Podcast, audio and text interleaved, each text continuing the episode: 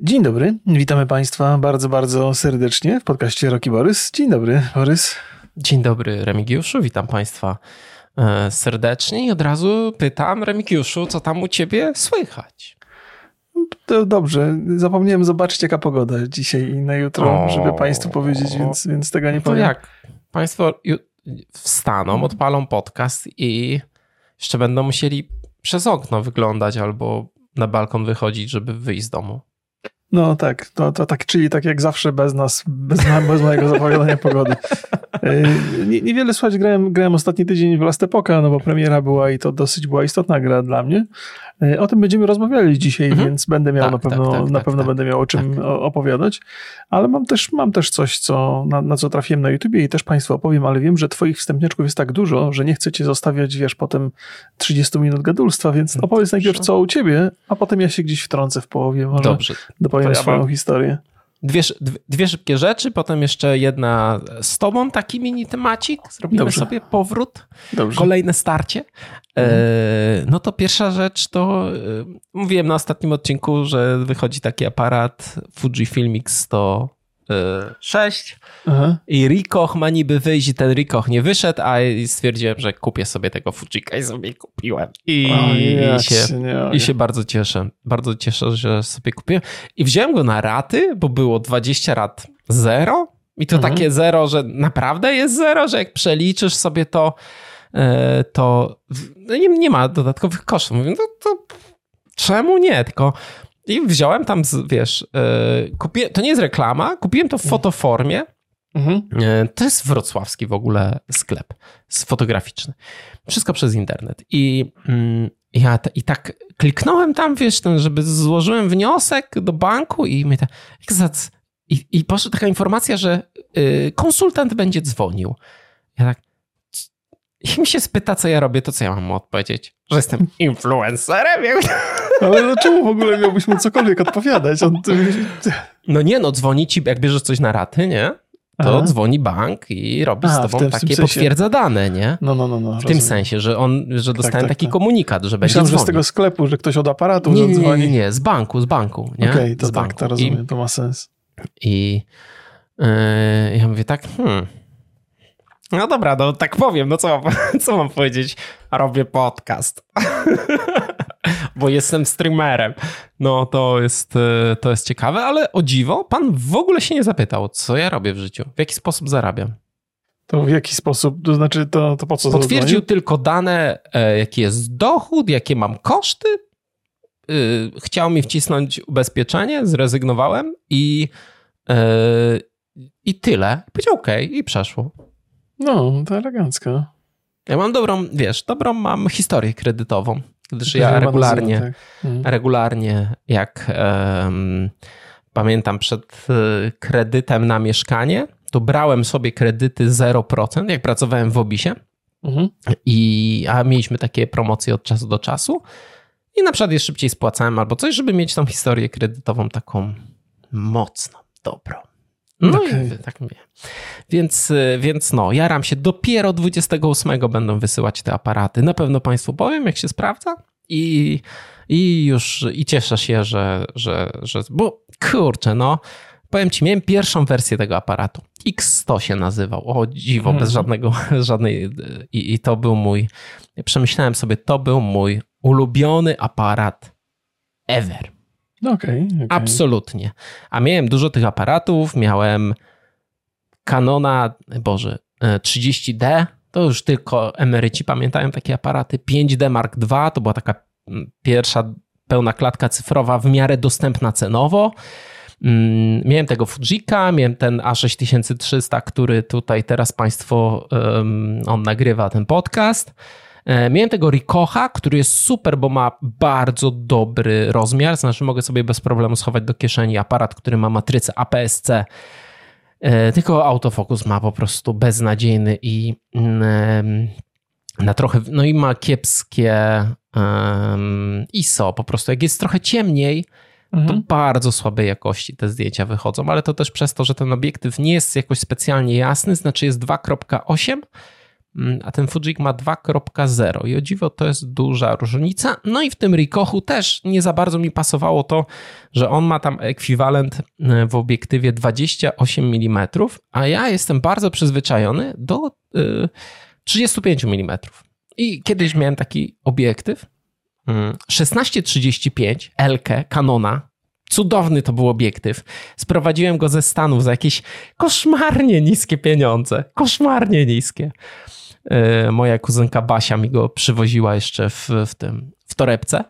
I, I kiedyś zrobiłem sobie tak, mówię, jak ja fotografuję, bo mam ten obiektyw 1635 i tego 5D Mark II. Sprawdziłem sobie na zdjęciach, 80% zdjęć robiłem na e, po prostu ogniskowej 35 mm.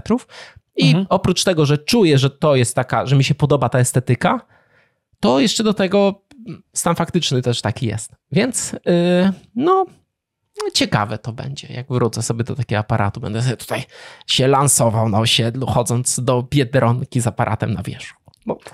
Ale planujesz robić zdjęcia, czy raczej pod, pod filmy? Nie, nie, nie, pod zdjęcia. To jest stricte zdjęcia. To jest stricte zdjęcia i, yy, i wiem, te, te, teraz dużo więcej jeżdżę. Mhm. I to jest taki moment, że, że, że, że, no byłem teraz w Warszawie, tydzień temu w Warszawie, bo w tym tygodniu też jadę do Warszawy i mhm. rzeczywiście czuję, że, yy, że, że to jest, że po coś, nie? Że no nie, nie, nie, rozumiem. Jest, chyba, dawno chyba nie robiłeś zdjęć, nie? Nie, tak ja robię tak? regularnie. Ja też nie, nie za bardzo dużo publikuję tych zdjęć. W sensie w ogóle? Nie, nie. Ostatnio na przykład z, na Instagramie puściłem e, zdjęcie z Roysta. A, okej, okay. nie, nie, nie zauważyłem. Więc, nie zauważyłem. Bo tam to... zalane y, TikTokami jest mój Instagram. Pewnie, a no tak, zgadza się. Y, no, jakby umykały mi, umykały mi te twoje zdjęcia, ale też jestem przekonany, że zważywszy na to, ile ty robiłeś zdjęć ileś tam lat temu, kiedy żeśmy się poznawali jeszcze, mhm. to, to i tak ich publikowałeś bardzo, bardzo niewiele. Bardzo mało. No, ja to też mam takie, mm, że raczej nie, nie cisnąłem w moją karierę czy w markę osobistą fotograficzną. A y, i umiejętności, i, y, y, i wyróżnienia na wielu konkursach miałem. Hmm? To, to, ja wiem, wiem, ale powiedz mi, jak ty te zdjęcia e, kolekcjonujesz? W sensie masz taką wielką bibliotekę, mam, czy masz jakoś posegregowane elegancko? Mam wszystko. E, ja używam Lightrooma, tego klasika, i hmm. on ma jakby w sobie bibliotekę tych zdjęć. I mam tam bibliotekę od jakich, wszystkich zdjęć, jakie mam łącznie z takimi analogowymi zdjęciami, które skanowałem kiedyś. Mhm. Mam wszystkie tam zdjęcia, one są w katalogach, czyli ja mam poza programem dostęp do nich, mhm. ale też w, w normalnie w Lightroomie są dostępne, mogę je sobie przeglądać i, i tam je po prostu, mam to ułożone dosyć sprawnie. Znaczy to archiwum fotograficzne mam ogarnięte dosyć mocno. A Lightroom to jest aplikacja w chmurze? Przechowujesz te nie, zdjęcia? Nie, a nie, nie, nie, co ty, to jest za dużo, te, za dużo zajmują te zdjęcia. Ja jednak robię w rawach, okay. więc to trochę zajmuje. E, mam, nie, mam lokalnie po prostu na, w, na dysku plus backup jeszcze, nie? Okej, okay, okej. Okay. A ile masz y, sztuk? A nie wiem, to tak nie, nie, w ogóle nie, w sensie, ile zdjęć? No wydawało mi się, że jak masz to w aplikacji gdzieś, to, no to podaje ci sumę po to prostu na pierwszy rzut oka. Mm, nie wiem, ale stawiam, no, że no, nie mam tak... Y, robiłem takie, y, jak chyba była pandemia, to robiłem, ogarniałem sobie tą, mm, tą bibliotekę, mhm. powtórzone zdjęcia, mhm. wiesz, jakby przebierałem, żeby tam było w miarę czysto i średnio, no to rocznie tam maksymalnie może miałem 300 zdjęć w takim najbardziej A, intensywnym nie tak roku. nie, tak nie, nie, nie, nie ma. No ale kilka tysięcy to się znajdzie. No trochę tych lat robię zdjęcia. Moja żona jak robi zdjęcie naszej córce, to 300 wychodzi na sesję. Co wiesz? No niektórzy, żeby zrobić jedno zdjęcie muszą zrobić jedno, a nie 300. No. Okej, okay, przekażę pozdrowie mężowi. Nie, ja mówię te, co zostawiłem. No wiadomo, że też ileś tam zrobię. No to nie jest takie, wiesz. Okay, okay. No. Ale raczej mam y, i to też y, to też Państwu y, polecam, że mm, w, warto nauczyć się, jeżeli oczywiście wasza, wasze hobby to jest fotografia, albo chcecie zacząć, to po pierwsze mam taki kanał Zdjęcie w minutę i tam mam trochę rzeczy związanych z fotografią, ale warto nauczyć się oszczędnie fotografować, bo to nawet pomaga w tym, żeby ogarnąć sobie to archiwum, żeby właśnie mm, wiedzieć, czego się chce, wiedzieć, po co się fotografuje, mhm iść w tą stronę. No, dużo osób ma takie, mm, e, takie nawyki, że robi e, takim trybem seryjnym i tam setki zdjęć od razu i, i, i rzeczy się dzieją, ale fajnie tak sobie podejść e, nie, nie tylko kreatywnie, ale w ogóle do, mm, do fotografii w bardzo taki e, przemyślany sposób. Robisz sobie cel i mhm. sobie wykonujesz to. Dzisiaj fotografia poza hobby ma sens? Jako biznes? No chyba tak, bo poza hobby to jakie są opcje? Myślę, że no wiesz, masz cały czas e, cały biznes modelingowy, masz cały biznes e, fotografii produktów, masz cały biznes, e, cały biznes fotografii biznesowej, czyli na przykład, nie wiem, no wyobraź sobie, że zakładasz sobie studio game devowe i chcesz sobie zrobić grę i tam masz ludzi, no to żeby tych ludzi pokazać na stronie, to ktoś musi przyjść zrobić im zdjęcie, nie? Mm -hmm. Okay. Nie, no myślę, że jedno, wesela, śluby, jakieś takie rzeczy, no to to już oczywiste jest. No myślę, że e, myślę, że tak, że jest. No w szczególności no, jak ktoś chce takie, wiesz, jeżeli ktoś robi portretowe, studyjne, dobre zdjęcia, ciężko to czymś zastąpić. Mhm, zgadzam się. Zastanawiam się, czy się ludzkie potrzeby nie zmieniły, bo teraz każdy zdjęcia robi sam i mu się wydaje, że mu te zdjęcia wystarczą do szczęścia. Ale skoro, skoro tak mówisz, to nie było podchwytliwe pytanie, tak po prostu jestem ciekaw. Hmm? Tak. Czyli jeszcze, tak, jedno, czyli... jeszcze mam hmm? jedną rzecz. Mam, e, proszę Państwa, e, założyłem mm, naszą stronę shortową na Facebooku. To się nazywa Rogi Borys Shorty. I można tam oglądać nasze shorty. Na przykład jak hajlujesz, Remigiuszu. Tak, z, z ostatniego odcinka. Bardzo, bardzo, bardzo się spodobał Państwu ten, ten shortcik. Ja cały czas korzystam z takiej aplikacji, która nazywa się Opus Clip. E, I już w tym momencie, jak założyłem, no bo wcześniej robiłem te, te shorty, wrzucałem na mojego, e, YouTube, mojego Facebooka, mhm. Mm, ale Facebook jest e, pieprznięty. Znaczy, ja to powiem oficjalnie, jak się zagłębi człowiek w takie rzeczy, jak jest pomieszane to, jak wygląda ta biurokracja wewnętrzna Facebooka to jest jakiś dramat. Tam połowa rzeczy nie działa. E, wchodzę na oficjalną stronę Facebooka, żeby mi powiedział, jak coś tam mam zrobić, i ta instrukcja, która jest, która jest aktualna, nie ma. E, w ogóle jest e, albo przestarzała, albo jakby rzeczywistość się zmieniła w taki sposób, że, że ona po prostu jest nieaktualna, nic tam się nie zgadza. Jakiś ko koszmar. To jest, to jest taki wielki twór, które warstwy zostały nakładane, to się gdzieś tam na dole trzyma i nie wiem, czy Państwo mają takie doświadczenie, ale ja właśnie specjalnie pod to zrobiłem tą stronę, żeby po pierwsze, no ci, którzy nie mają TikToka i nie chcą mieć, czy nie chcą mieć Instagrama, a mają Facebooka, no mogli sobie oglądać bez problemu. Po drugie, e, dlatego, żeby właśnie z tej aplikacji Opus Clip mógł, mogę od razu publikować albo mhm. planować publikację, nie wchodząc na żadną inną stronę. Czyli tworzę TikToki w jednej aplikacji, w tej samej je opisuję i publikuję. I to jest super y, oszczędne, jeżeli chodzi o czas. Więc Państwu zapraszam. Jest y, oczywiście w opisie pod, y, pod spodem. No, więc Jak to, to nazwałeś? Rok i Borys Shorty przez szy. Trzeba było na, na, zrobić Rok i Borys w shortach. No też by. O, no, trzeba było zapytać. Się jeszcze. okay, bo, no. nazwa, no. bo nazwa strony jest Rogi Borys, nie? Więc, mhm. więc myślę, że to, to, to, to, znaczy ten adres, nie? Mhm. Zobaczymy, zapraszam Państwa, zapraszam. No, tak mi się podoba to robienie tych shortów, w szczególności, że dużo czasu to nie zajmuje. Mhm. No, no, no, widziałem, widziałem. Zresztą widziałem stronę, bo to jest y, Opus y, Clip. Jest, można sobie w internecie odpalić i zobaczyć, mhm. jak to działa. I faktycznie to właściwie nawet jest chyba promowane jako narzędzie do shortowania podcastów. Mhm, tak, taki, tak, jest, tak. taki jest u nich na stronie główny. No to więc, więc tak, bardzo, bardzo to sensowne dla podcasterów. No dobrze, to co, może teraz ja coś opowiem? Słucham cię, Remigiusz.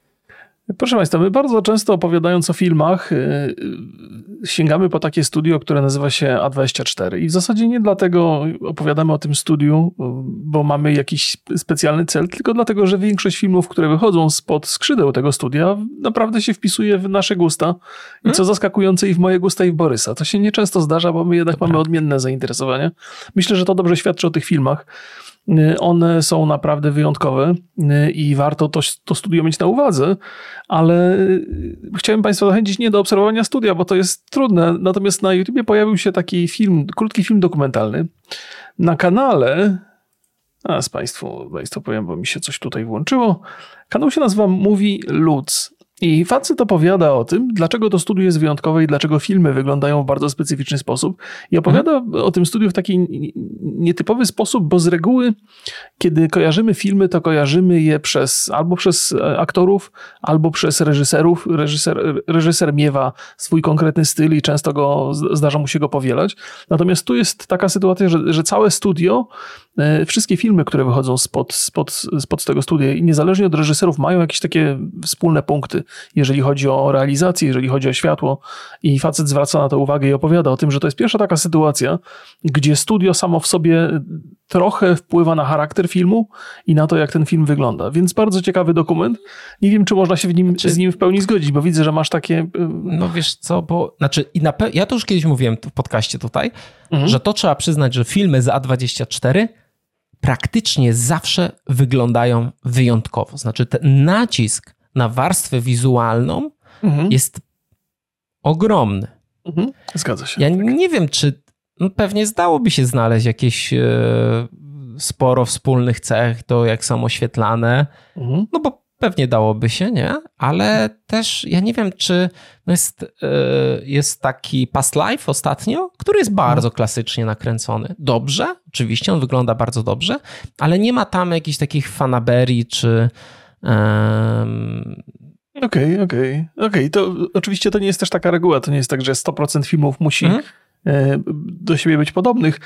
Tam z, z, takich rzeczy, które Państwo powinni kojarzyć, to, to są tam takie filmy jak Lighthouse, który jest czarno-biały. Mhm. E, a to właściwie cała historia tego studia zaczęła się od takiego filmu Spring, Spring Breakers. I mhm. facet w zasadzie nawet, nawet zestawił, zestawił te znaczy, dwa filmy. Nie, nie, bo... czekaj, czekaj, bo to, to ich produkcja była, bo oni jeszcze wcześniej byli po prostu dystrybutorem.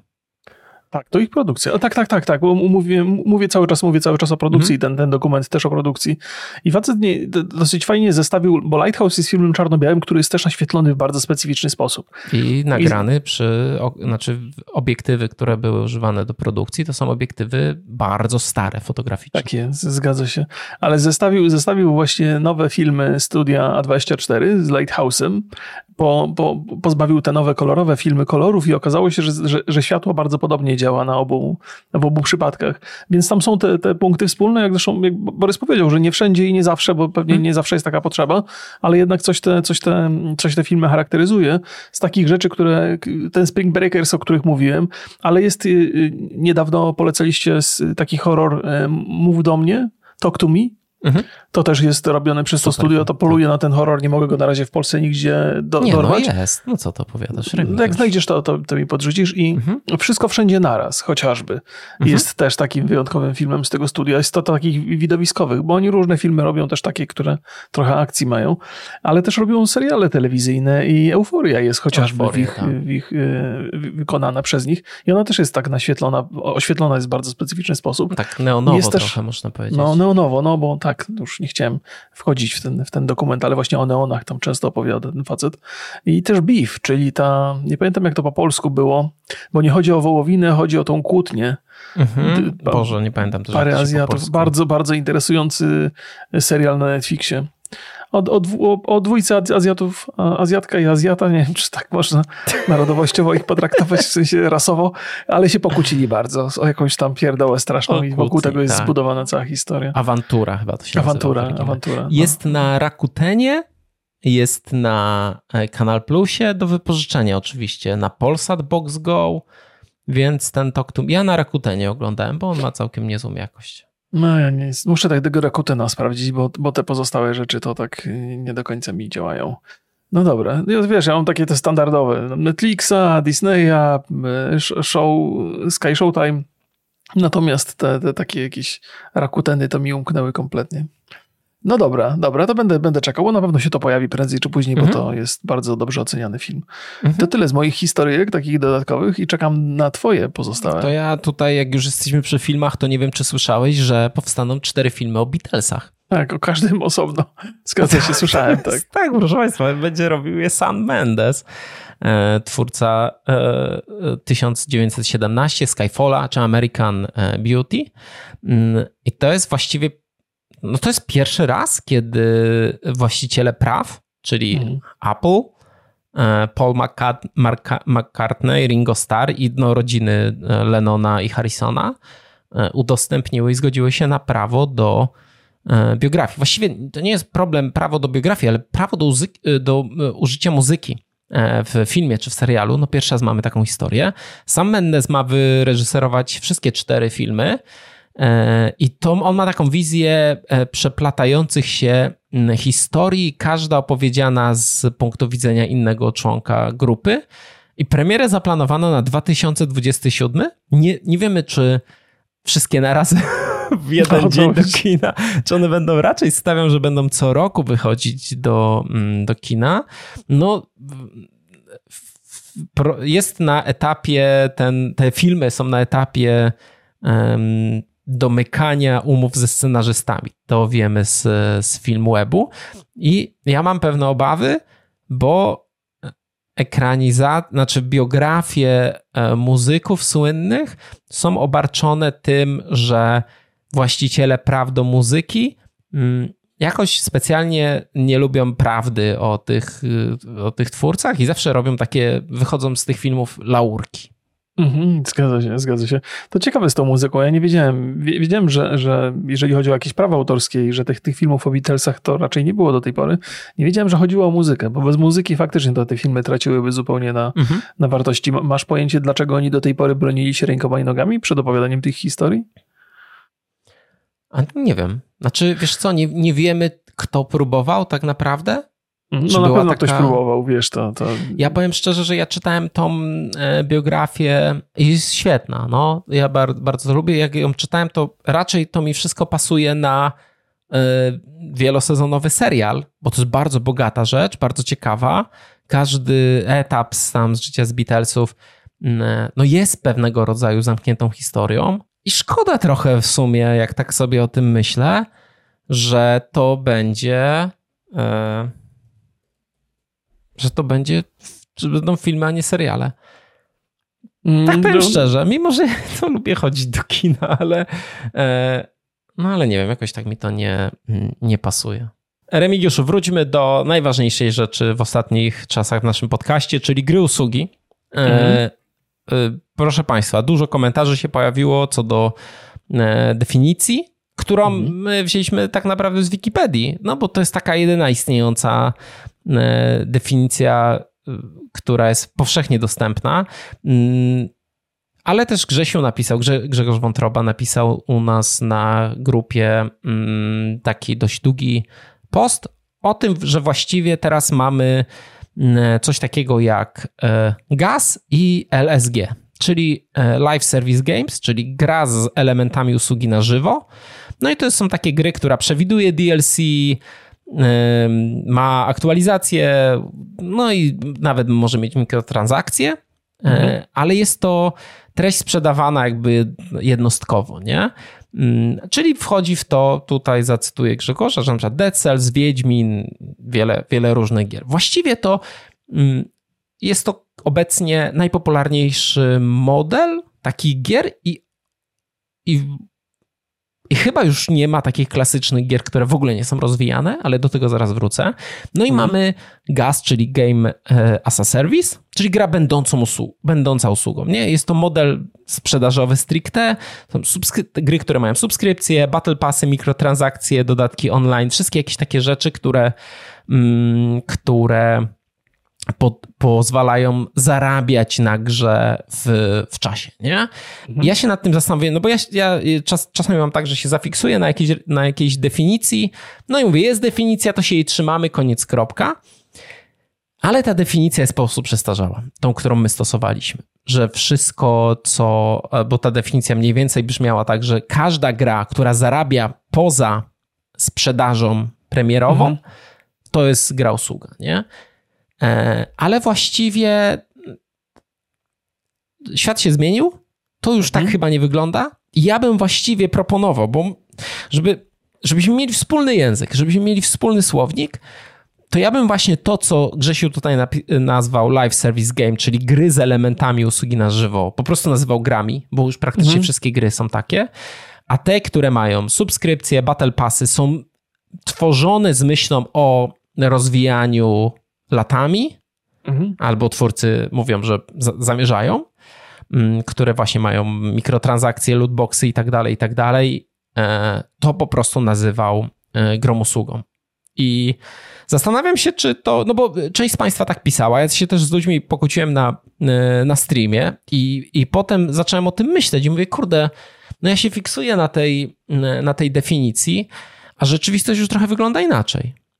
I, i, i, i może trzeba przyjąć jakieś tutaj um, ustalić.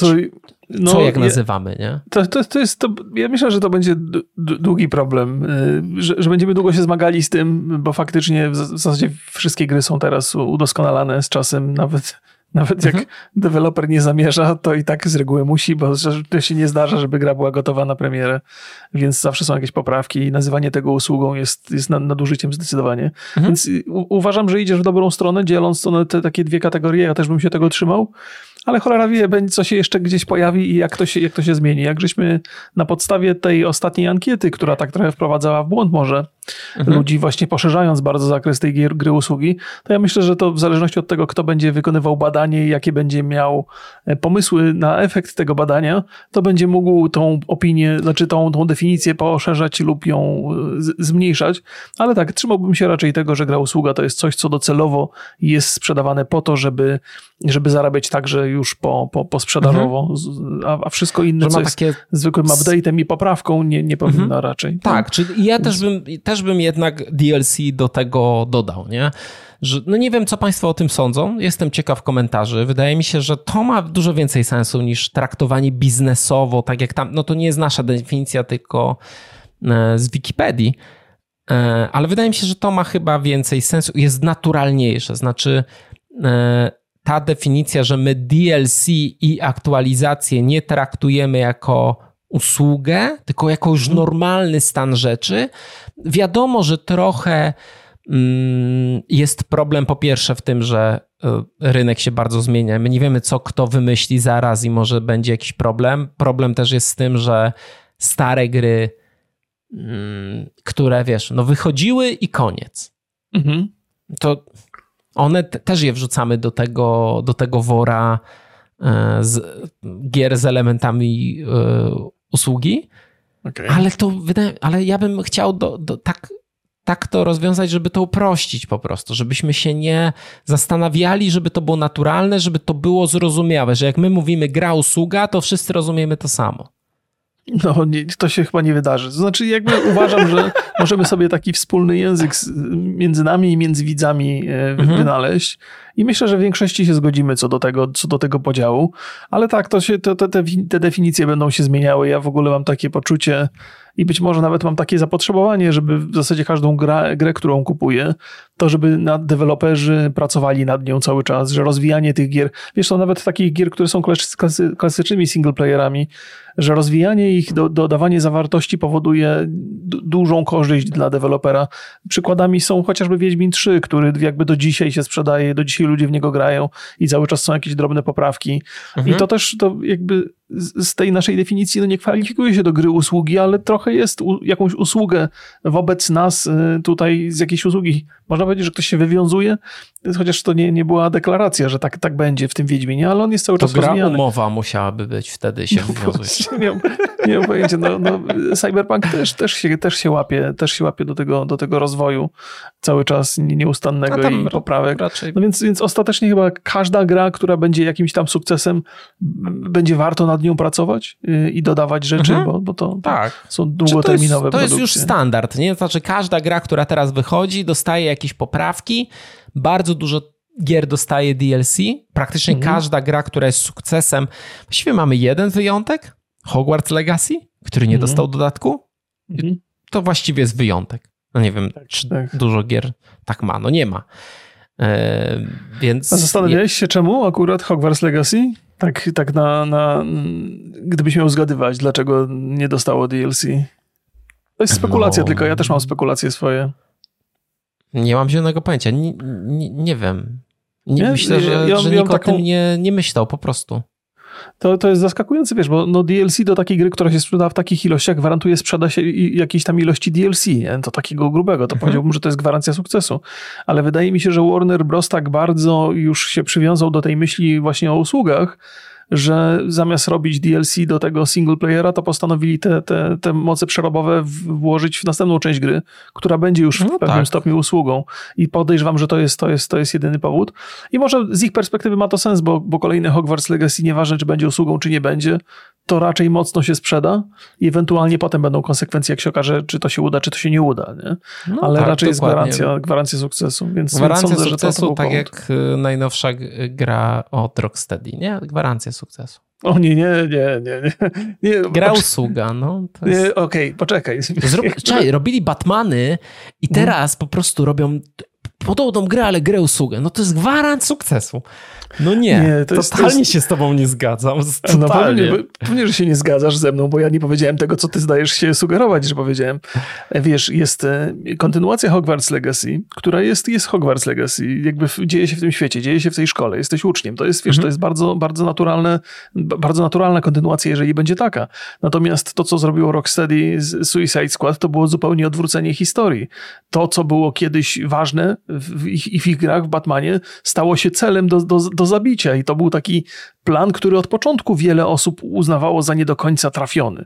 I hmm. wszyscy mieli wątpliwości, znaczy wszyscy, dużo osób miało wątpliwości, czy to, się, czy, czy to się uda i czy to ma jakikolwiek sens. No i teraz w obliczu tej słabej usługi to po dwakroć sensu nie ma. Natomiast zakładam, że w przypadku Hogwarts Legacy to raczej pójdą za ciosem, to co się sprzedało nie, no, w pierwszej oczywiście. części. Oczywiście, ja też mam takie wrażenie, że studia, które wypłynęły na tym, że robią świetne gry dla single player, kiedy zrobią kolejną grę usługę, to będzie sukces. Hmm. Czekaj, czekaj. Mi e, BioWare, nie? Rocksteady, co tam jest? Hmm, nie, Sukces. Mam coraz może więcej źle... obaw do tego, czy Hogwarts Legacy jako usługa to będzie rzeczywiście dobra rzecz. Wiem, o, że no, no to, mówiłem no, inaczej wcześniej, bo kiedyś już o tym rozmawiałem i ale teraz po tym, co się dzieje, co się wydarzyło tutaj, kiedy się zmienia ten to, jak pracuje studio, jakie są wartości, e, jakie gry chcą robić, z gry single na usługę, mhm. to mam duże obawy po prostu. Ja się wcale nie dziwię, ja też podzielam te obawy, bo jest duża różnica między sukcesem a udaną grą, bo może być sukces sprzedażowy, jak na przykład Diablo 4, a mhm. gra jest nie do końca udana, więc taki, taki scenariusz w przypadku Hogwarts zakładam. Natomiast zakładam też dużą sprzedaż i, i ona może wynikać po prostu z tego sentymentu i z sukcesu pierwszej części gry. Potem może się okazać, że to był sentyment położony w niewłaściwym miejscu, ale to, to, to, to, to później dopiero. Więc ja. dlatego mówię o tym sukcesie mhm. potencjalnym. Mhm. Ja, jeszcze jedna rzecz mi przyszła do głowy. jeszcze, jeszcze hmm? skończę ten, bo ja bym wolał, y, że jeżeli twórcy robią, twórcy gier, którzy mają doświadczenie w single playerach, hmm. mają robić grę usługę następną, to ja bym bardzo chciał, żeby to był model po prostu GTA, czyli robimy od podstaw, budujemy tak grę, żeby tam multi był możliwy hmm. i żeby nie było problemu z tym, ale w pierwszej kolejności to jest po prostu dobra gra, nie?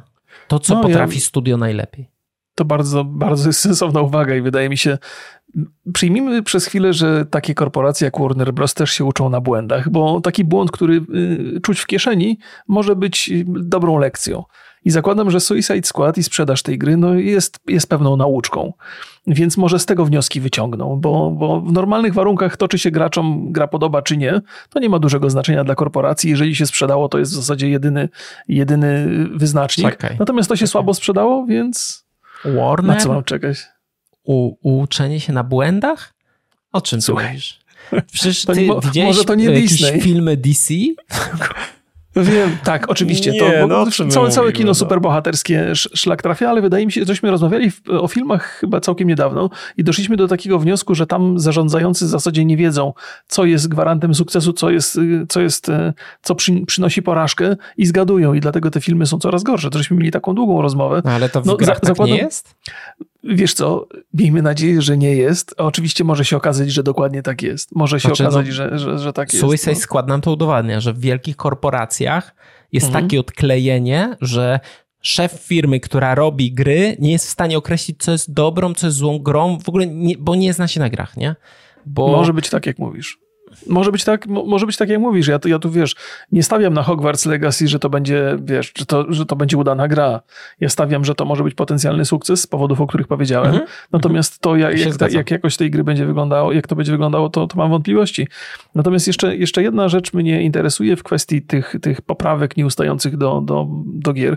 Mamy teraz taki czas, że niezwykle ciężko jest wystartować nowym markom e, i to się często zdarza. Jest bardzo dużo remasterów, coraz właściwie te plany takich remasterów są coraz mocniejsze. Czasami można remasterować grę sprzed roku albo sprzed dwóch lat i to się już, to się już robi. Wydaje mi się, że to też wynika. Y, Czekaj, no bo... chcesz mnie przyhamować? No, bo powiedzieli, że trudno wystartować nowym marką. Mamy w tym, w tym roku cztery hitowe gry.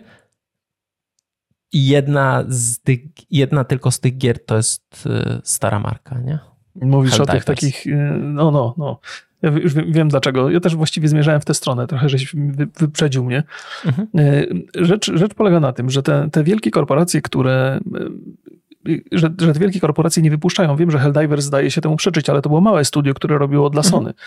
więc może to jest trochę inna historia, że, że te wielkie studia na tyle będą się bały mm, iść w nowe pomysły, że wolą robić remastery i być może dla nich też będzie fajnym, fajnym sposobem na sprzedawanie gier, ulepszanie tych, które istnieją, które już mają dużą grupę odbiorczą. Na przykład praca nad Spider-Manem 2 może mieć bardzo dużo sensu, bo jest ileś tam kopii sprzedanych i może zamiast robić kolejną grę, która gdzieś w ogóle z innego uniwersum pochodzi i jest nieznana, to może lepiej inwestować albo w remaster, albo w rozwijanie tej gry.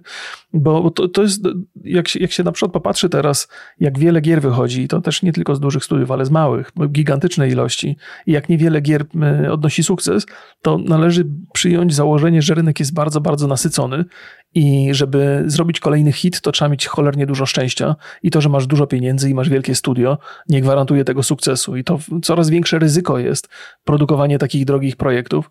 I zastanawiam się, czy te właśnie te, nawet te takie duże studia nie pójdą już w sprawdzone rzeczy, nad którymi można dłużej, intensywniej e, pracować. I dlatego to się tak jakby w naturalny sposób stanie usługą. Nawet to, co było takim singleplayerem klasycznym. Nie? Jak się okazuje, że rozwijanie Wiedźmina 3 nadal ma sens, rozwijanie Cyberpunka mhm. nadal ma sens, to może inne inne firmy też pójdą w tę stronę i będą rozwijać te rzeczy, które się, które się sprzedały, bo jest ciężko na rynku. No, dużo, dużo się dzieje rzeczy nie, nie, niedobrych. Więc znaczy to, jakby to, to jest, też jest taki kierunek, który, który usługi trochę mogą się udać, po prostu rozwijanie tych rzeczy, które się sprawdziły, żeby nie robić nowych, żeby nie ryzykować. No, nie wiem, czy taki Wiedźmin, Wiedźmin to jest jakoś tak strasznie rozwijany poza tą wersją. Nie, no oczywiście, że nie. To, to jest, to jest tylko... też już chyba jest koniec y, takiego Nie, coś tam jakaś poprawka była niedawno. Y, myślę o takim generalnym kierunku. Ja nie mówię, że teraz już korporacje idą w tę stronę, nie? ale to jest, to jest, jest jakaś opcja. Dla nas, dla graczy, wiesz, którzy, którzy dużo osób kupiło te konkretne gry, no to każda możliwość wrócenia do tego świata pod wpływem jakichś nowych y, przygód, nowych rzeczy, no to jest, to jest coś interesującego, więc wszystko może stać się usługą w tym, w tym kontekście, nie? że warto cały czas to, nad tym pracować i to sprzedawać. Ale to są, wiesz, to są takie zupełnie poboczne tematy. Mhm. Więc mówię tylko o tym, że no, to, to jest taki powód, dla którego te definicje są takie niezwykle elastyczne teraz i ciężko je bardzo jasno przypisać do konkretnych gier, bo to wszystko się może zmienić. Coś, co było takim typowym singlem, nagle może się stać usługą ni stąd, ni zowąd. Więc, więc to, to, jest, to jest coś takiego. Więc chyba nie musimy, się, no, nie musimy się kłócić w kwestii tego, co jest usługą, bo za chwilę wszystko, wszystko może się totalnie poprzestawiać. Więc. Dobra klamra. Dobra. E, o grach, usługach. E, wiesz co, zanim jeszcze do e, Last Epoka przejdziemy, to ja mam hmm. jeszcze dwie, dwie polecajki dla Państwa. Pierwsza to jest kanał Imersja. No, pozdrawiam, pozdrawiam panów z, z Imersji. Ja muszę przyznać, że stałem się fanem ich takiego formatu, który mają live w, na YouTubie w niedzielę o 20.30. To się chyba nazywa imersja online, ale widzę, że tutaj na, na ostatnim odcinku już to się tak nie nazywa. E, no i to pan, i jeżeli ktoś nie wie, co to jest, to jest omawianie wydarzeń z ostatniego tygodnia ze świata kina. O, I trochę mi brakowało tego, no bo u chłopaków z napisów końcowych po części to jest, ale oni są bardzo skupieni jednak na takim superbohaterskim kinie, to ich głównie interesuje, a tutaj mhm. mamy y, jednak takie tematy związane z i, i kinem rozrywkowym, i to czy z Duną, z nowościami i, i, też z artystycznym kinem, więc jest taki pełen przegląd. To Państwu mm. bardzo polecam. Podlinkuję oczywiście. No i drugi to jest moje odkrycie tego, tego tygodnia. To jest podcast zbiorowy. Co ciekawe, jest to podcast Tomka Wilczyńskiego i Martina Stankiewicza. E, muszę przyznać, że no Martin Stankiewicz e, kiedyś jako bardzo znany e, youtuber ja w ogóle nie byłem zainteresowany jego twórczością. Muszę przyznać, że zupełnie nie oglądałem w czasach, jak on królował na, na YouTubie. Zupełnie mhm. mnie to nie interesowało. Teraz założyli podcast i jakoś jest to takie... Jak to się nazywało? Próbowałem... Podcast zbiorowy. A ja, a, ja, a ja zapamiętałem kopia zapasowa i wpisuję i wiesz... nie wiem, skąd mi się to wzięło. Kopia zapasowa. Kopia zapasowa podcast. To jest, to jest dla informatyków dobra nazwa. E, I to oni mają tam, znaczy mają trochę wywiadów, bo to jest, to jest jakby mm, kanał zrobiony taki, że tam ileś formatów będzie tych podcastowych. Mhm. I tam czy pan Tomek, czy pan Martin sobie mają wywiady osobne, ale mają też swój off-top i tam gadają o takich rzeczach, że to jest już taki e, trochę przegląd nagłówków e, z, z pudelka. I to jest, muszę przyznać, że całkiem zabawne. Dyskusja o tym, mm, e, jak nie wiedzieli, kto śpiewa jakąś piosenkę, jeden mówił, że to Donald Glover, a drugi nie, nie, to Childish Gambino. I to... To się prawie pokłócili o to, kto to robi. To muszę przyznać, że zabawne bardzo było. To takie mm, epickie, epickie momenty podcastowe. To jest tak, że jak ktoś popełni taką gafę, to jest dla mnie bardzo zabawne, ale jak my Czekaj, czekaj, to chcesz mi powiedzieć, że oni... Popo... Ja myślałem, że cała satyra tego, tego, tej kłótni polegała na tym, że doskonale wiedzą, że tu chodzi o nie. tego samego artystę. Okej, okay, to rozumiem. Więc A, okay. pamiętajcie, no, te, te same wpadki u kogoś śmieszą bardziej, nie? To jest tak, jak widzisz, jak jakaś para e, się kłóci, nie? Ze sobą, to jest takie, że co, co za Boże, co za bzdury, tutaj kłócą się o nic, ale jak ty się kłócisz ze swoją żoną, to jest o, na poważnie już na maksa, nie? To jest tylko mm. zmiana, ten, zmiana punktu obserwacji, więc to, to zabawne. No i, faj, i bardzo ciekawa tam jest y, rozmowa, którą y, Martin ma z gościem, którego nie znam w sumie, ale jest o jego filmie i o, o ich takich e, problemach produkcyjnych i, i, i znaczy o filmie, który nie powstał, nie? E, więc mnie zawsze interesują takie e, zakulisowe tematy filmowe, w szczególności na tym poziomie takim, wiesz, że ktoś się stara o, o zrobienie pierwszego filmu, nie? No, mało no, tak, takich tak, jest tak. informacji, bardzo mało jest takich informacji, mhm. to raczej branża filmowa się z tym nie dzieli. No tutaj jakby jest tak, bardzo szczerzy są w tym wszystkim i tam mówią o, o, o swoich błędach, problemach, więc to jest e, no ciekawe. Ciekawe. Jak ogóle... na Martina Stankiewicza i podcast, który e, on jest pewnego rodzaju twarzą, no to mają bardzo małe zasięgi, ale może jak tutaj Państwu zaproponujemy, to ja sobie na pewno posłucham, bo ja tak jak, jak gram sobie w tego Last Epoka, to lubię sobie w tle puścić jakiś podcast. Oj, Swoją tak. drogą, jak, jak powiedziałeś mi o problemach robienia pierwszego filmu, to przypomniał mi się, ja też strasznie się zafascynowałem tymi kanałami, które opowiadają o filmie, ty, tymi zagranicznymi kanałami i mhm. dlatego tam Państwu podrzucam różne rzeczy. Oglądałem też materiał, tylko już nie pamiętam na którym z tych kanałów, o winie dieselu który jest oczywiście bohaterem kina akcji i wszyscy go znamy i kochamy za, za tą, jak to Fast and Furious. Nie, może nie każdy go kocha, ale znamy go na pewno z tego bardzo dobrze. Natomiast jego ambicje filmowe były zupełnie inne kiedyś, kiedy zaczynał i on właściwie zrobił swój pierwszy film na podstawie książki, bo też, też chciał właśnie wyreżyserować coś. Kupił mhm. książkę e, jakiegoś znanego reżysera, na podstawie tego zrobił swój pierwszy krótkometrażowy film. prawa do książki, tak? Nie, nie, nie, nie. Pewność, czy po prostu kupił sobie książkę i ją zrobił. Nie, nie, nie, źle powiedziałem. Kupił książkę na temat tego, jak robić filmy znanego A, reżysera. Okay. I na podstawie tej wiedzy, którą, to ja źle powiedziałem, na podstawie tej wiedzy zrobił pierwszy film, to mu nadało takiego rozpędu, a potem miał, miał okazję pracować z tym reżyserem i niego w filmie. I to była też ciekawa historia właśnie w związku z tym, że Wina Diesela kojarzymy z takich filmów akcji. On w tym konkretnym filmie zagrał takiego zabawnego gangstera, który w sądzie zaczyna bronić się sam, czyli nie korzysta z pomocy prawników, ponieważ nie ma do nich zaufania, broni się sam i to jest taka trochę pozytywna historia, e, która kompletnie nie pasuje do, do typowe, typowych ról Wina Diesela i muszę sobie znaleźć ten film, ja go gdzieś zlokalizuję jak go obejrzę, to Państwu opowiem, bo zapowiadał się bardzo dobrze i człowiek, który realizował ten dokument o winie Dieselu, opowiadał bardzo ciepłe rzeczy na temat tego, tego filmu i na temat w ogóle y, wina Diesela jako aktora. No bo z reguły, kiedy mamy do czynienia z takim, z takim aktorem znanym z kina akcji, to wychodzimy mhm. z założenia, że to w zasadzie jest wszystko, co on potrafi zrobić i że ponadto to go nie stać na nic więcej, a potem od czasu do czasu przytrafi się jakieś takie dzieło kompletnie niepasujące i wszyscy są mocno zdziwieni. Więc ja sobie poszukam, poszukam sobie tego, tego, tego, tego filmu. Y, I to też jest taka historia o tym, jak zrobić pierwszy film. Trzeba kupić znanego reżysera książkę i tam można się nauczyć. Na przykład. Żałuję, no. że więcej szczegółów nie podałem Państwu w tej no, historii. Poza ja polecam y, zorganizować dużą, y, dużo pieniędzy. To, to przede hmm. wszystkim. Tak, tak, bez pieniędzy może być krucho. To prawda. Tak, to jest, y, to jest ważne. To co? Myślę, że przechodzimy do Last Epoka. Last tak, Epoch? Oni tak po... tam mówią, bo tam widzę imba, jak się to wymawia. Słuchaj, czy my jesteśmy, czy to już jest tak, że to jest 50 minuta wstępniaczka, czy A. ja po prostu zacząłem wcześniej nagrywać? Nie, dobrze. 48. To bardzo miło się rozmawiało, muszę powiedzieć, y, w tym Kończymy, wstępniaczku. Tak? Nie, nie, nie, bo jestem, jestem, jestem zdziwiony. Myślę, że coś mi się może tutaj przewinęło na nagrywaniu, ale, ale nie. Nie wiem, czy zauważyłeś, że naturalnie trochę zmieniliśmy format podcastu? I nikt tak, nie zauważył? Tak, no nie, bo dlatego, że naturalnie to się organicznie odbywa. Tak. E, tak, tak, proszę Państwa. Dzisiaj głównym tematem jest Last Epoch i, Epoch i niniejszym, niniejszym Państwa do niego zapraszamy. Za, e... zaczniesz?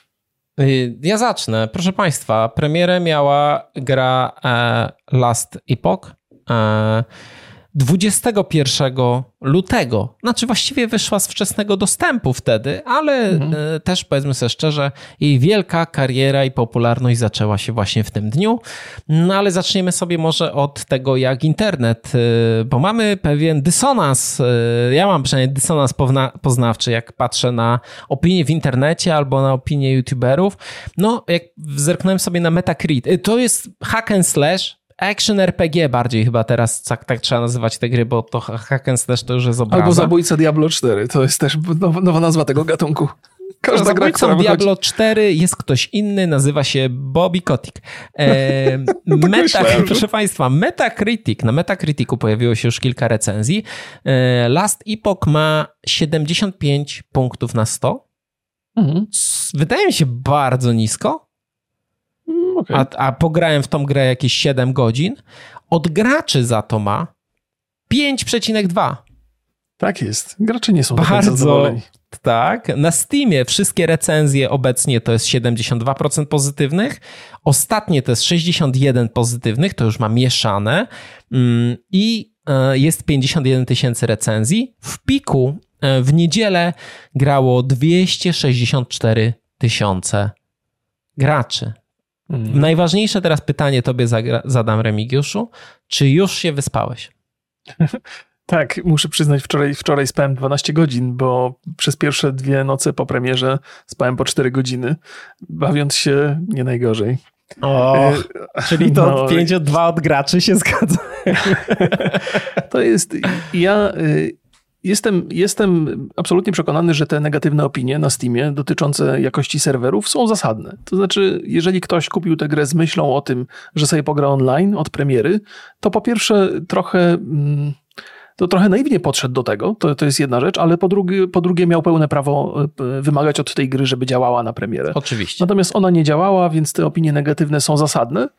Ja rozwiązałem ten problem już w zasadzie przed premierą, bo wyszedłem z takiego założenia, że te problemy w grach usługach zawsze się przytrafiają, choćby wielka firma za tym stała, a to jest mała firma i zacznę grać offline. Pierwszy sezon zagram po prostu offline i będę się tam dobrze bawił i bawię się właściwie dlatego. Nie najgorzej, bo nie miałem żadnych problemów, nie miałem żadnych błędów, i mogę oceniać grę tylko na podstawie tego, co ona ma do zaoferowania wewnątrz, natomiast te wszystkie zewnętrzne problemy mnie ominęły.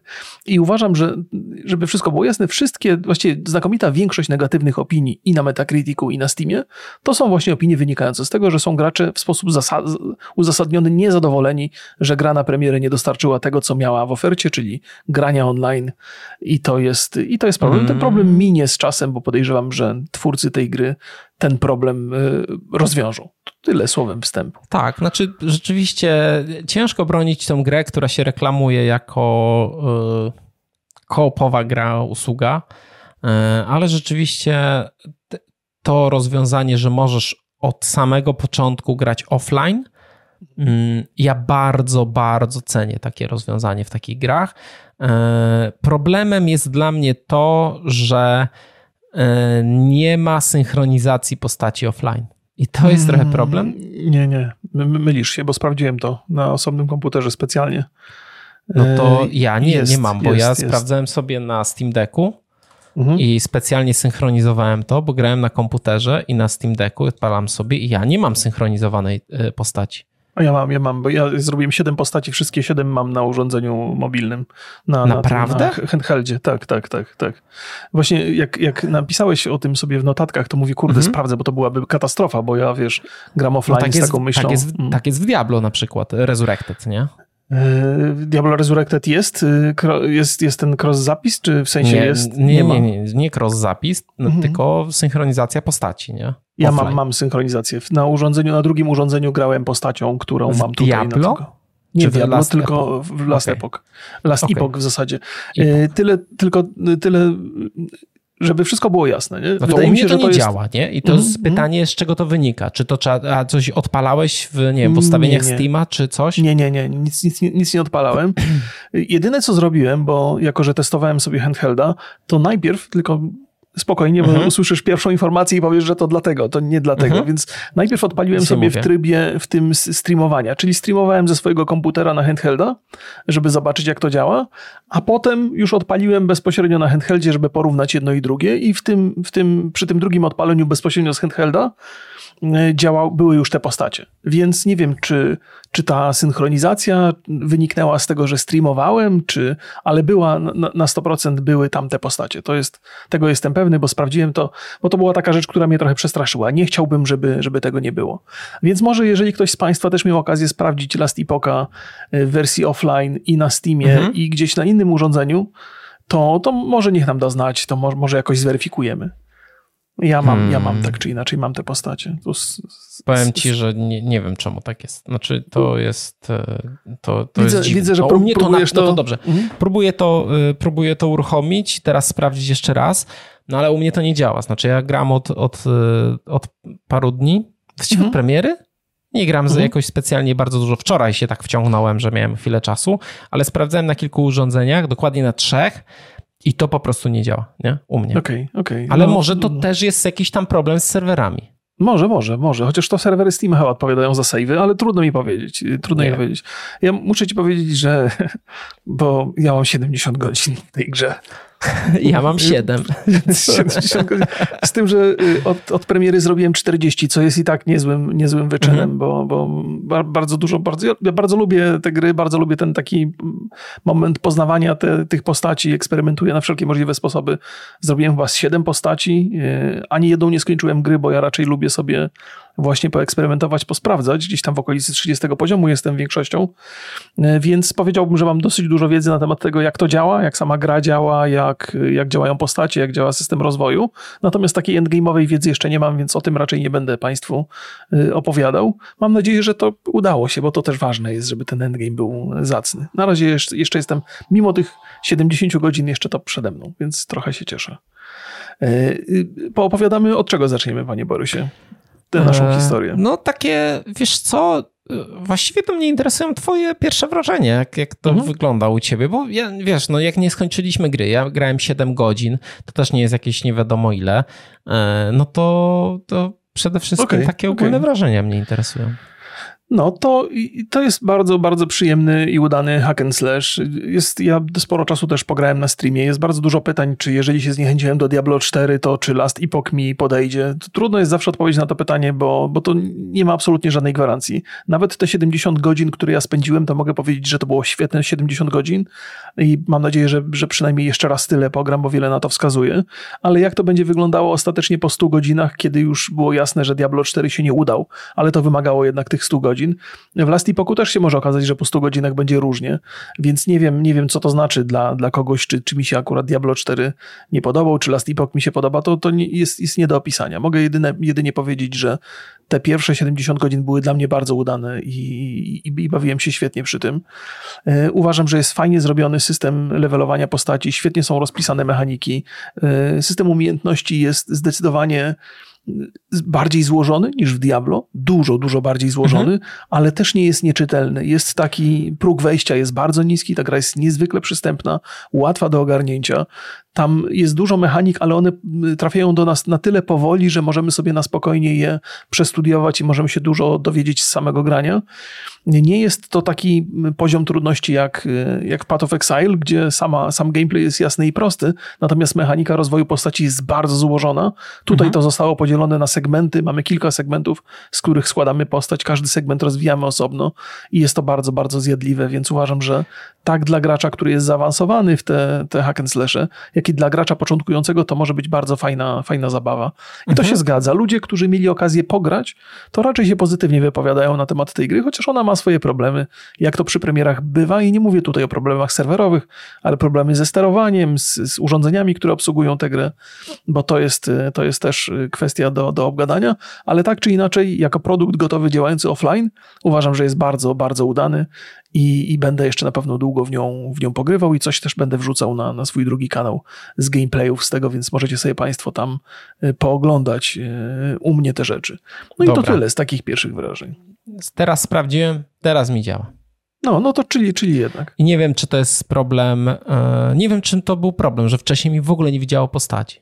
Może z chmury Teraz, jakoś nie zsynchronizowało. Ale mhm. ja mam trzy postacie offline bo dwie mhm. założyłem na Steam Decku, jedną na PC i teraz na Lenovo Legion Go sobie odpaliłem i mam to tylko tą z peceta. Eee, Okej. Okay. Ale może to rzeczywiście jakieś serwerowe problemy, no. No trudno mi powiedzieć, nie jestem w stanie zdiagnozować tego teraz. Ja też nie jest. Więc to super, bo to jest w ogóle taka rzecz, którą mi najbardziej brakowało w mm, Diablo 2 Resurrected. Ja jestem fanem tej gry mhm. i, e, i to jest taka rzecz, że ja tą grę, że to sobie Diablo, Diabolo przechodzę czasami na, znaczy może nie przechodzę, ale grywam sobie na Steam Decku, grywam sobie na Switchu mhm. i, e, i brakuje mi tego, że tam mam osobne postacie i to jest super, ale to jest, to jest bardzo, bardzo dobra rzecz. Mówiłeś o rozwoju, yy, rozwoju postaci.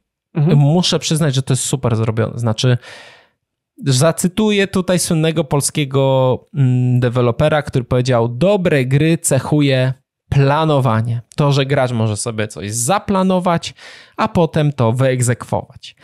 I ja sobie wymyśliłem, yy, że będę walił z Aksa i w razie czego, bo gram takim tam wojownik, to się nazywa, to nawet nie nazywa się wojownik. Primalista, tylko, grasz primalistą. Tak, że walę sobie z aksa i w razie czego szybko uciekam tornadem. E, mhm. I poszedłem w to. E, poszedłem w to w myśląc, że żeby rozwijać sobie e, obrażenia, rozwijać to tornado, ale też trochę rozwijać manę, mhm. żeby mi tak szybko nie schodziła, bo to, to tornado zbiera szybko manę. I po 7 godzinach mam tam jakiś 17 level tej postaci i to działa. Znaczy, to mhm. jest takie, że mm, jak odpala. Ja wiadomo, ja jestem nubem, proszę Państwa, nie, nie oszukujmy się. To, co ja mówię, to są informacje dla graczy, którzy bardziej zastanawiają się, czy nie za bardzo gram w takie gry, czy tutaj się odbije. Ta gra jest mega przystępna dla kogoś, kto nie lubi grać w Excela. I mm, wszystko ma tutaj sens, łatwo sobie wyobrazić to, jak nasz build będzie działał, czy będzie to nam sprawiało przyjemność, czy to będzie miało sens. I rzeczywiście, no, w tym moim przypadku e, tak jest. I e, i to jest naprawdę łatwe do ogarnięcia. E, ten, ten, bo mamy tam te umiejętności, pasywne umiejętności mm, i to wszystko ma sens. Czujesz, że z każdym levelem czujesz, że progresujesz, czujesz, że to coś ci daje.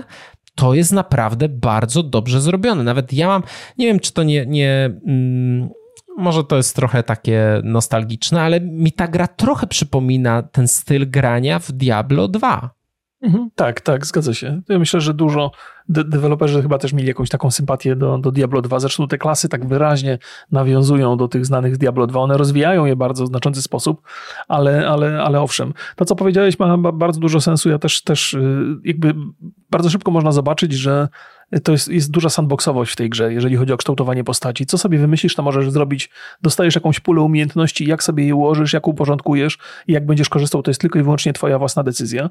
I elastyczność tego systemu jeszcze trochę głębiej, głębiej wchodzi, bo to, to jest tak, że teoretycznie możesz dobrać umiejętności, które do siebie nie pasują, natomiast te umiejętności na skutek rozwoju można tak zmienić, że one zaczynają razem wspólnie dużo lepiej działać. Na przykład ta, ta trąba powietrzna, o której ty mówisz i, i walka wręcz przy użyciu topora, można walkę wręcz zrobić w ten sposób, żeby zadawała obrażenia od błyskawic. Ta, ta, ta, ta wichura powietrzna także zadaje obrażenia od błyskawic, też można to po, wszystko pozmieniać i w rezultacie, stawiając na jedną statystykę, wspierasz dwie umiejętności, które mhm. teoretycznie ze sobą nie współgrają, bo jedna jest do walki wręcz, a druga jest do magii. I można to połączyć w bardzo taki ciekawy sposób. I oczywiście można też pójść tak klasycznie, tylko i wyłącznie w magię od początku do końca, ale można też robić takie, takie ciekawe sztuczki, jak łączyć magię z walką wręcz, albo łączyć magię z, ze strzelaniem z łuku i to wszystko ma ręce i nogi to wasza wyobraźnia tylko was ogranicza. Oczywiście na pewno będzie coś takiego jak meta. W każdej grze tego typu jest jakiś taki zestaw umiejętności czy zestaw rozwo sposób rozwoju postaci, który zagwarantuje wam najlepsze wyniki i prędzej czy później będą się pojawiały na stronach internetowych takie buildy, które będą oferowały najwięcej możliwości, ale możliwość kształtowania i wybierania i ta swoboda i to, że niezależnie w którą stronę pójdziesz, to nie masz, nie musisz się bać, że coś popsujesz tak skrajnie, że nie będziesz w stanie grać. To jest, to jest coś fajnego, można dużo fajnych rzeczy wymyślić i to, ten proces wymyślania też jest taką niezwykle przyjemną rzeczą. Więc pod tym względem uważam, gra jest bardzo dobrze zrobiona, ale trudno się dziwić, ci ludzie, którzy ją robili, to ją robili od 2019 roku. To jest du, du, du, dużo czasu ona spędziła w Early Accessie, od bardzo mm, Early Accessie, od bardzo takiego nie do końca ładnego potworka do całkiem dobrze wyglądającej gry, gry aktualnie. Ja też trochę materiałów no, przed premierą ona, obejrzałem. Ona wygląda hmm. ok, z tym hmm. bardzo dobrze, to może, bo też zauważyłem takie opinie, e, z tym bardzo dobrze, to ja bym nie przesadzał. Ona oczywiście w porównaniu do tego wczesnego dostępu wyładniała, no ale mhm. daleko jest jej do, no nie wiem, do tego, jak wyglądało Diablo 4. I, Być może masz rację. Ja, ja, ja też mam... Mimo tego, mhm. że i też jest gorzej zoptymalizowana niż Diablo 4 podejrzewam, że, że tak może być. To akurat tego nie mogę powiedzieć, bo u mnie chodzi.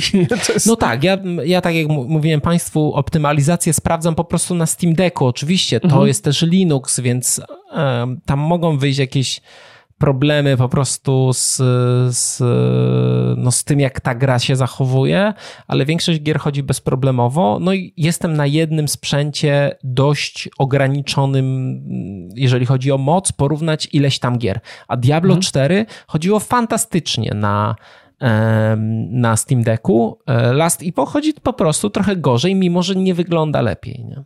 Okej, okay, okej. Okay. No to jeszcze trochę tam testowałem. Miałem faktycznie wrażenie, że nie chodzi tak dobrze, jakbym się spodziewał, ale to za krótko testowałem, żeby móc powiedzieć hmm. z, z, pewnością. Więc, więc e, to, tutaj nie wiem akurat tego. Ale tak, uważam, że gra jest, ma bardzo dobry początek, jeżeli chodzi, pomijając te serwerowe rzeczy, o których żeśmy mhm. wspomnieli. No problemem jest jeszcze obsługa pada. I mhm. to już wspominałeś o tym, i to jest rzeczywiście, kto to wymyślił? Kto, no bo jak macie pada i macie prawą gałkę, to ta prawa gałka emuluje mysz. Na Steam Decku też gładzik emuluje mysz. Mhm. I, e, I żeby coś brać, no to macie pod X-em macie. E, Podnieś, pod Y tak, sprzedaj. tak, tak, lewy mhm. klawisz myszy powiedzmy. Ale na przykład tam są suwaki w grach. Czyli takie, mhm. że. Więc trzeba najechać, trzymać X i drugą ręką ten jeden gładzik poprzesuwać tutaj, co to w ogóle nie ma sensu. Czy to jest... E, są rozwiązania, które są dobrymi rozwiązaniami. Diablo 4, pomimo tego, że no mnie, w ogóle mnie nie, nie, nie polubiłem się z tą grą zupełnie, to, mhm. to w jaki sposób y, y, obsługuje pada, to jest wzorcowe. Znaczy wystarczy to skopiować. Zgadza się. Zgadza się. Tak, ja mam, mam takie nie do końca dobre e, obserwacje. Mimo tego, że całą grę, te 70 godzin spędziłem na praktycznie na kontrolerze. Trochę pograłem na myszce, ale jednak wolałem grać na kontrolerze. No ale mam też tak, że myszkę mam przygotowaną i jak coś w interfejsie robię albo włączam menu, to zawsze z myszki korzystam. Po prostu e, sama walka na, na kontrolerze jest zrobiona nie najgorzej, ale też nie każdą postacią, mhm. bo niektóre postacie mają takie jakieś tam opcje skoku i na kontrolerze niezwykle ciężko to kontrolować. Tam, zresztą na myszce zawsze jest więcej precyzji. W przypadku tej gry no tej precyzji zupełnie brakuje w niektórych umiejętnościach, więc ten kontroler jest taki, będą musieli nad tym popracować zdecydowanie, po, powinni to zrobić. No Trochę stawiam... się popa poprawił się ten kontroler po, po wyjściu z Early Accessu, ale nie na tyle dobrze, żeby to działało. No tam nie ma obsługi interfejsu, nie ma obsługi menu w, na kontrolerze praktycznie. Właśnie więc... jest to po prostu źle zrobione. No, tak, no, tak no jest, jest, jest, jest, jest, jest, są, są tam problemy i to ludzie też pewnie będą raportowali, no ale myszka działa bardzo dobrze, chociaż też jakby nie zawsze jak tam się coś takiego zdarza, że naciśnięcie myszki się przebija przez interfejs. Jak sobie włączysz menu, żeby coś przestawić i klikniesz myszką w tym menu, to postać się nagle zaczyna przesuwać w stronę tej, tak jakby tego menu w ogóle nie było. Więc tam jest sporo tych błędów Ale z tym interfejsem. w online? No bo w offline jak e, odpalisz menu, to jakby to się, za, zatrzymuje się gra. Nie, nie każdy, nie w każdej sytuacji. Jak na przykład otwierasz A. sklep, to się nie zatrzymuje gra. E, I ja, mi, się, mi się zdarza okay. No przesuwać no tak, w trakcie tak, tak, kupowania tak. rzeczy w sklepie. Więc, więc albo jak na przykład robisz skrypt skrypty do do y, lutu, żeby sobie y, lut ograniczać, bo tam, tam w ogóle te, te, te skrypty są bardzo interesujące, o tym dużo by można gadać. To, ja jest taki, nie mam zielonego pojęcia, o czym ty mówisz. Jakie jest coś takiego, że lutu? to jest też Path of Exile taki chyba pomysł zaczerpnięty. To jest tak, że wylatuje ci bardzo dużo różnych przedmiotów i te przedmioty mają mnóstwo, mnóstwo statystyk i jak trochę poznasz te statystyki, które ci są potrzebne, to możesz sobie, możesz sobie stworzyć skrypt, który powoduje, że wszystkie przedmioty posiadające interesujące cię statystyki są widoczne, jak wypadną z potworu utworów, a wszystkie przedmioty, które nie mają tych statystyk, nie interesują cię, są niewidoczne, żeby ci nie, nie, nie, na ekranie jakoś tam nie okay. zajmowały za dużo miejsca. To jest taki trochę to pogłębiona jest wiedza na temat tej gry, to nie trzeba wiedzieć na dzień dobry, to nie jest do końca nikomu potrzebne na początku, ale dużo fajnych rzeczy z tym można zrobić, ale tak czy inaczej ten interfejs nie do końca dobrze działa i czasami postać ci lata po ekranie, kiedy ty tam klikasz i zmieniasz afiksy albo sufiksy, które są potrzebne w skryptach. Więc, więc tam jest, są rzeczy do poprawki. To, to zdecydowanie. Powiedziałbym, że to jest najbardziej spartolona część e, tego, tego to, to, że to jak działa kontroler i to, że tam myszka się od czasu do czasu przebije przez interfejs. Więc tam, tam, tak, to są wyraźne błędy. Natomiast jeżeli chodzi o, o samą grę, to nie zauważyłem jakichś wielkich e, problemów, chociaż muszę przyznać, że ze dwa razy mi się gra zawiesiła tak totalnie, że mi mhm, wywaliło mi ją i musiałem, musiałem resetować. I w przypadku jednej z postaci mam blok, to znaczy quest fabularny, który poz pozwala mi przejść dalej i nie chce się odpalić. I nie wiem, co się stało, to jest, próbuję jakiś, zmieniam ekwipunek, tam zmieniam skille i nie mogę odpalić tej, tego, tego questa, więc moja postać, jedna z moich postaci po prostu dalej nie przejdzie Mam e, przez grę, co jest Pytanie, czy w komputerze masz e, kable gamingowe? Gamingowe? Gamingowe, tak. Heteromingowe mogą być takie? Potrójnie filtrowane kable nie, nie, wiem, do prądu, nie, do zasilacza. To może być ten problem. Może tak, może, może, może tak. Nie, no to jest, to jest wyraźnie błąd jakiejś gry i, i to, to, jest, to jest akurat bardzo duży błąd, ale on mi się zdarzył tylko raz, no tylko, że zablokował mi całą postać praktycznie. Nie o, mogę dalej pójść. to niedobrze. Jeżeli Państwo mają jakiś y, pomysł, jak rozwiązać, bo tych, tych questów też nie możesz, myślałem, że można wyłączyć ten quest, zacząć go od nowa, ale nie da się, jak już trafi tam do tej listy questów, tego nie można usunąć i nie wiem, nie wiem co zrobić. Więc jestem w opałach tutaj, a to bardzo fajna postać, którą lubię i nie chce mi się jej robić od nowa. A może trafię znowu na ten błąd, więc może strach się być, bać. Może być. no takie, jeżeli... takie bloki w RPGach to są najgorsze. Najgorsze. To w ogóle blokery w grach to No, tak. Najgorsze błędy. E, muszę przyznać, że jeżeli chodzi o, to wspominałeś już o itemkach, mhm. no to dużo lepiej jest to rozwiązane niż w Diablo, bo w Diablo co chwilę bardzo podobne przedmioty wypadały. Mhm. Tutaj jest tak, że dużo śmieci wypada, mm, ale rzadko wypadają takie e, naprawdę dobre rzeczy. No i to jest Nie? Ja, tak? ja, właściwie, ja, albo ja mam jakieś szczęście. Ja dostałem parę takich legendarek, właściwie nie legendarek, tylko unikatów. Y, unikaty to są takie y, bronie albo sprzęt, który wypada i on w zasadzie na początku gry i parę mi się takich unikatów przytrafiło dla niektórych postaci, że się przebijam przez tę grę jak przez gorącym nożem przez masło. Grałem sokolniczką i trafił mi się taki łuk na trzecim poziomie, ledwie na trzecim poziomie, Ludzie który mi starczył że... do 36. O kurde, to strasznie. Ludzie no. narzekają, że ten ptak się drze cały czas. O, straciłem Borysa. Mam nadzieję, że tylko na chwilę. To się, to się mogło przydarzyć. Wygląda na to, że w ogóle internet mu zabrało. Bo tak z reguły to wraca po minucie albo po dwóch. Ja Zakładam, żyję. że on też w tym czasie Jesteś? Przepraszam, słuchałeś Jestem. mnie? Plotkowałem tak, na twój temat z państwem. Cały czas, ja cały czas cię słuchałem. W ogóle u mnie wszystko działało, nie? Więc... A, okej, okay, okej. Okay. Nie, u mnie się zaciąłeś kompletnie i cię nie słyszałem. No witaj z powrotem. Yy, mówiłem, że ludziom strasznie przeszkadza to, że ten ptak się drze cały czas. Ta wrona, tak? U tak. Sokolniczki? U sokolniczki to, to by była wroniarka, a nie sokolniczka. to jest falkon, ale nie, nie zwróćcie uwagi, ale to też, też ja mam tak, faktycznie to jest taki typ gry, że ja sobie odpalam jakiś podcast i sobie mhm. tutaj pykam, więc ja tak też. mam trochę grę, ja grę ściszoną. No. Tak. I muszę przyznać, że tak, że y, bardzo dobrze czuć progres w tej grze. Mhm co zdobędę, jakiś fajny itemek, to czuję to od razu. Jak, jak zdobędę level, to też to czuję. Ogólnie, znaczy na tym, mm, w tym momencie, gdzie ja gram, czyli mam ten 17 level, no to nie jest jakoś specjalnie trudno. Raczej mhm nie ginę, zaczę... parę razy zginąłem, ale to właściwie przez głupotę, że jak walczyłem z bossami, to po prostu ich tuchłem, no to trzeba trochę uważać i te walki hmm. z bossami są bardzo dobrze zrobione i to mi się podoba, że on, że no jest ten taki, że boss ma kilka ataków, one mhm. są powtarzalne i my musimy w odpowiedni sposób reagować na nie, czy uciekać, czy odwracać się w którymś, no bo te kierunkowe ataki na przykład są dość popularne przy tych bossach i to mm. jest dobrze zrobione, ja wiem, dlaczego zginąłem. Przy kolejnej próbie bezproblemowo y, potrafię już y, wyciągnąć z tego naukę. To też jest cecha dobrej gry, że nie mamy takiej frustracji, ale ogólnie gra jest dość prosta na razie, mhm. przynajmniej dla mnie. Powiem ci, że ona ma takie progi, że idziesz sobie przez jakiś czas. Te progi to ja nie wiem, czy tam akty są do, dobrze opisane, bo też na to nie zwracałem uwagi, ale to bardzo często jest tak, raz, że przemieszczasz się w czasie, ale są takie wyraźne momenty, momenty, one są zamykane cutscenkami i potem przechodzisz jakby na, na, na kolejny poziom, kolejny obszar i między tymi, po tych cutscenkach potrafi się poziom trudności drastycznie zwiększyć.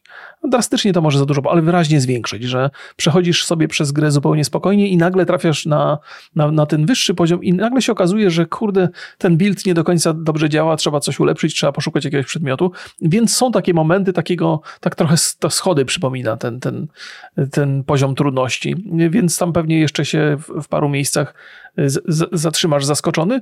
Więc, ale zgadzam się, początek jest bardzo łatwy i w zasadzie reszta też jest bardzo łatwa. Jak masz dobry sprzęt, to, to idziesz przez to spokojnie. Zakładam, że w tej grze endgame ma być tym miejscem, w którym poziom trudności będzie wyraźnie widoczny i będzie można sobie nim do pewnego stopnia, będzie można go regulować jakoś w zależności od swoich potrzeb i swojego ekwipunku, ale to zobaczę jeszcze. No. E, tak, gra nie, nie, nie utrudnia przejścia jej.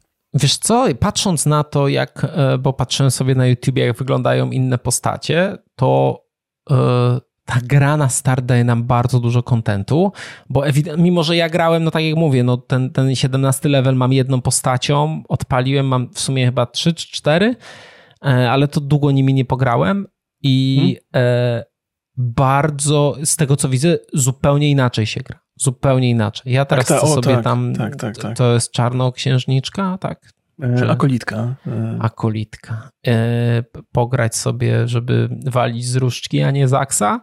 Mhm. I, e, no i to, to tak, że wiem, że to jeszcze bardzo dużo czasu minie, zanim mhm. ja tam będę w endgame kiedykolwiek, no, jeżeli to, będę. To, to, dopowiem jeszcze coś do tego, o czym mówisz, że te postacie naprawdę potrafią się między sobą różnić. To jest chyba jedna z największych przypadłości Diablo 4, że każdą postacią gra się w bardzo podobny sposób. Jest przycisk, który generuje zasoby, jest przycisk, który zużywa zasoby i są jeszcze jakieś umiejętności pomiędzy.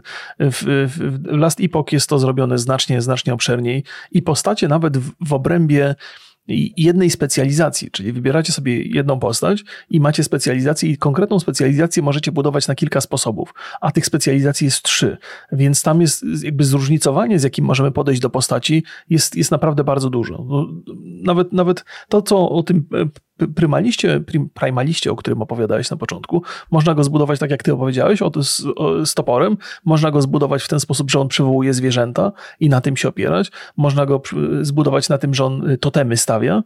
Ten primalista zaczyna z dwoma, z wilkiem. Na pewno wiem, to jest...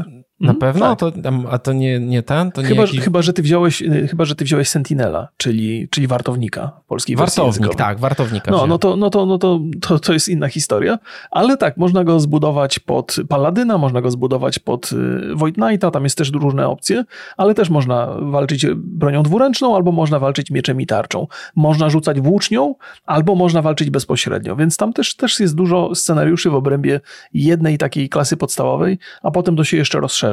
Więc zróżnicowanie jest, jest, jest, jest, jest spore. Tą samą postacią można zagrać zupełnie inaczej i to, i to, się, to się bardzo, bardzo chwali. I to jest ogromna różnica w, w porównaniu do Diablo 4, gdzie w zasadzie miałeś wrażenie, że robisz to samo, tylko inną postacią. No, muszę przyznać, że jak skończyłem Diablo 4, to miałem takie mocne przekonanie, że action RPG to są zupełnie nie dla mnie. Ja tak, mimo że, regul- że, o, że Diablo Resurrected 2, dwu, Diablo 2 Resurrected to jest gra, do której mam nostalgię, a reszta mnie tam nie interesuje. W, w, w PoE się nie wciągnąłem, ale muszę przyznać, że Last Epoch bardzo mi się podoba. Znaczy, ta gra daje dużo satysfakcji i yy, bawię się świetnie. Mm. Czekam tylko, aż naprawią tą obsługę pada, bo to jest gra idealna na handheld. Idealna tak, tak, po tak, prostu. Tak, tak, no, to się super, super się gra. E, I no myślę, że zostanie ze mną na dłużej ta gra. Kupiłem sobie to co, to skorzystam. No ja na pewno będę w nią grał przynajmniej do czasu Path of Exile 2 które też zdaje się być bardzo, bardzo, bardzo dobrze się zapowiada. Ale do Path of Exile 2, do pełnej wersji, bo teraz będzie, pierwsza rzecz to będzie jakiś taki wcześniejszy dostęp, mhm. potem, potem dopiero, no to jeszcze, jeszcze poczekamy. Tak czy inaczej, Last Epoch ma chyba aktualnie nie ma jakiejś konkurencji takiej. Będzie sobie istniało na, na tym rynku i będzie się cieszyło zainteresowaniem. Te 250 tysięcy, które praktycznie wydarzyły się tuż po premierze, nie, nie są przypadkiem. I jeżeli poprawią pro, problemy z serwerami, to podejrzewam, że liczba graczy jeszcze się powiększy. Jeszcze, Tym no, bardziej, myślę, że, no, że, ja też przyjrzałem się, przepraszam, jeszcze dokończę, przyjrzałem się też recenzjom i większość osób, które opisuje tę grę, mówi dokładnie o tym, że w, w kontekście serwerów jest duży problem, natomiast raczej polecają tę grę i zachęcają do spróbowania i ewentualnie cierpliwości, żeby te, żeby te problemy przeczekać, albo grania offline. Więc ono się spotyka z bardzo pozytywnym przyjęciem, oczywiście poza tymi problemami, Ale które są oczywiste. To też jest ciekawa sytuacja, bo mamy od, na Metacriticu od recenzentów 75, nie? Gra, która mhm. jest potężnym sukcesem na, e, na Steamie potężnym, no bo to 264 było w niedzielę tysięcy i stawiam, mhm. że to jeszcze rośnie. Mhm. No to jest dla mnie dziwne też, że ta gra tak nie... nie że uważasz, że nie pokochali recen... Ja myślę, że tak. Hmm? Myślę, że tak. No, no jeżeli Diablo było, miało na Metacriticu ile? To jest ciekawe pytanie, no. Wiesz, no ja nie do końca wiem, ja mam taki z, z recenzentami, z recenzentami mam, mam czasami problem, zwłaszcza z takimi, którzy muszą wystawić notę. Lubię sobie posłuchać recenzji, która opisuje mi grę, a nie, nie, nie oferuje mi jakiejś, jakiejś wartości cyfrowej, bo to nie ma dla mnie żadnego znaczenia. Mm, to też jestem zaskoczony. Może recenzenci wzięli pod uwagę te problemy 8, z... 86 miało. No ale jak recenzenci, jak, jak wystawiali... Chociaż, no może nie, no ale to Diab w Diablo też grali e, offline, nie? Bo nie, trudno, nie, trudno nie, mi powiedzieć, nie, nie mam, nie mam zielonego rzecz. pojęcia, co decyduje o tym, że, że recenzenci na Metacriticu dają taką niską notę. Ci recenzenci, których ja lubię posłuchać, y, no raczej mają bardzo podobną opinię do mnie. Może dlatego lubię ich słuchać. No może to, to nie są, no bo wiesz, jakby YouTube'owi re recenzenci nie oceniają gry na Metacriticu. Tak, Tylko nie oceniają, i, i, i, przynajmniej ci, których ja słucham, to nie oceniają gry w skali od 1 do 10 czy od 1 do 100, tylko po prostu dzielą się opinią i opisują różne hmm. elementy tej gry. I to jest dużo bardziej wartościowe, więc, więc no może, może, może nota numeryczna, no mniejsza z tym. Jest to trochę kuriozalne, że Diablo 4 dostawał wyższą średnią w no, porównaniu do Last bo, bo, bo, ja nawet pomijając cały online, hmm? to ja się dużo lepiej bawię w tej grze niż kiedykolwiek się bawiłem w Diablo. Być może. Już teraz nie pamiętam. Pamiętam, że też się cieszyłem z Diablo 4. Trudno nie, no, ja się cieszyłem, y, mi się podobała beta, mhm. bo wiesz, ten movement jest dobry, to jak ona mhm. chodzi, jak dużo grałem w nią na Steam Decku, dobrze zoptymalizowana, fajnie się walczy, ale tam po 20 godzinach czy coś, to miałem już takie, że już w ogóle nie wiedziałem po co gram w tą grę, nie? Jest, tak, no mi trochę później więcej czasu zajęło, ale, ale zgadzam się, że Last Epoch na pierwszy, na pierwszy ogień robi dużo lepsze wrażenie niż dużo Diablo 4 no. kiedykolwiek. No. Dużo lepsze. No ale cóż, no recenzenci mają sw swoje prawa. No, nie czytałem tych recenzji, więc y, musiałbym, musiałbym siąść i, i poczytać po prostu, zobaczyć jakie są argumenty. Być może jakieś sensowne. Możliwe. No, no dobrze, zamknęliśmy, opowiedzieliśmy Państwu wszystko? Opowiedzieliśmy tak, Państwu, dużo, dużo żeśmy spędzili z, państwa, z Państwem czasu. Tak mi się też e, wydaje. No, zobaczymy. Pytanie, jak Państwu się podobają ostatnie podcasty, że jest trochę więcej tematów krótszych, a mm. nie tak, że jest tylko wstępniaczek 15 minut i, e, i, i reszta jeden, jeden temat. Czekam na Państwa opinie. Oczywiście zapraszamy Państwa na streamki Remig już od 9, ja od 11 i e, trzymajcie się, cześć. Jasne, pozdrawiamy. Do zobaczenia. Pa, pa.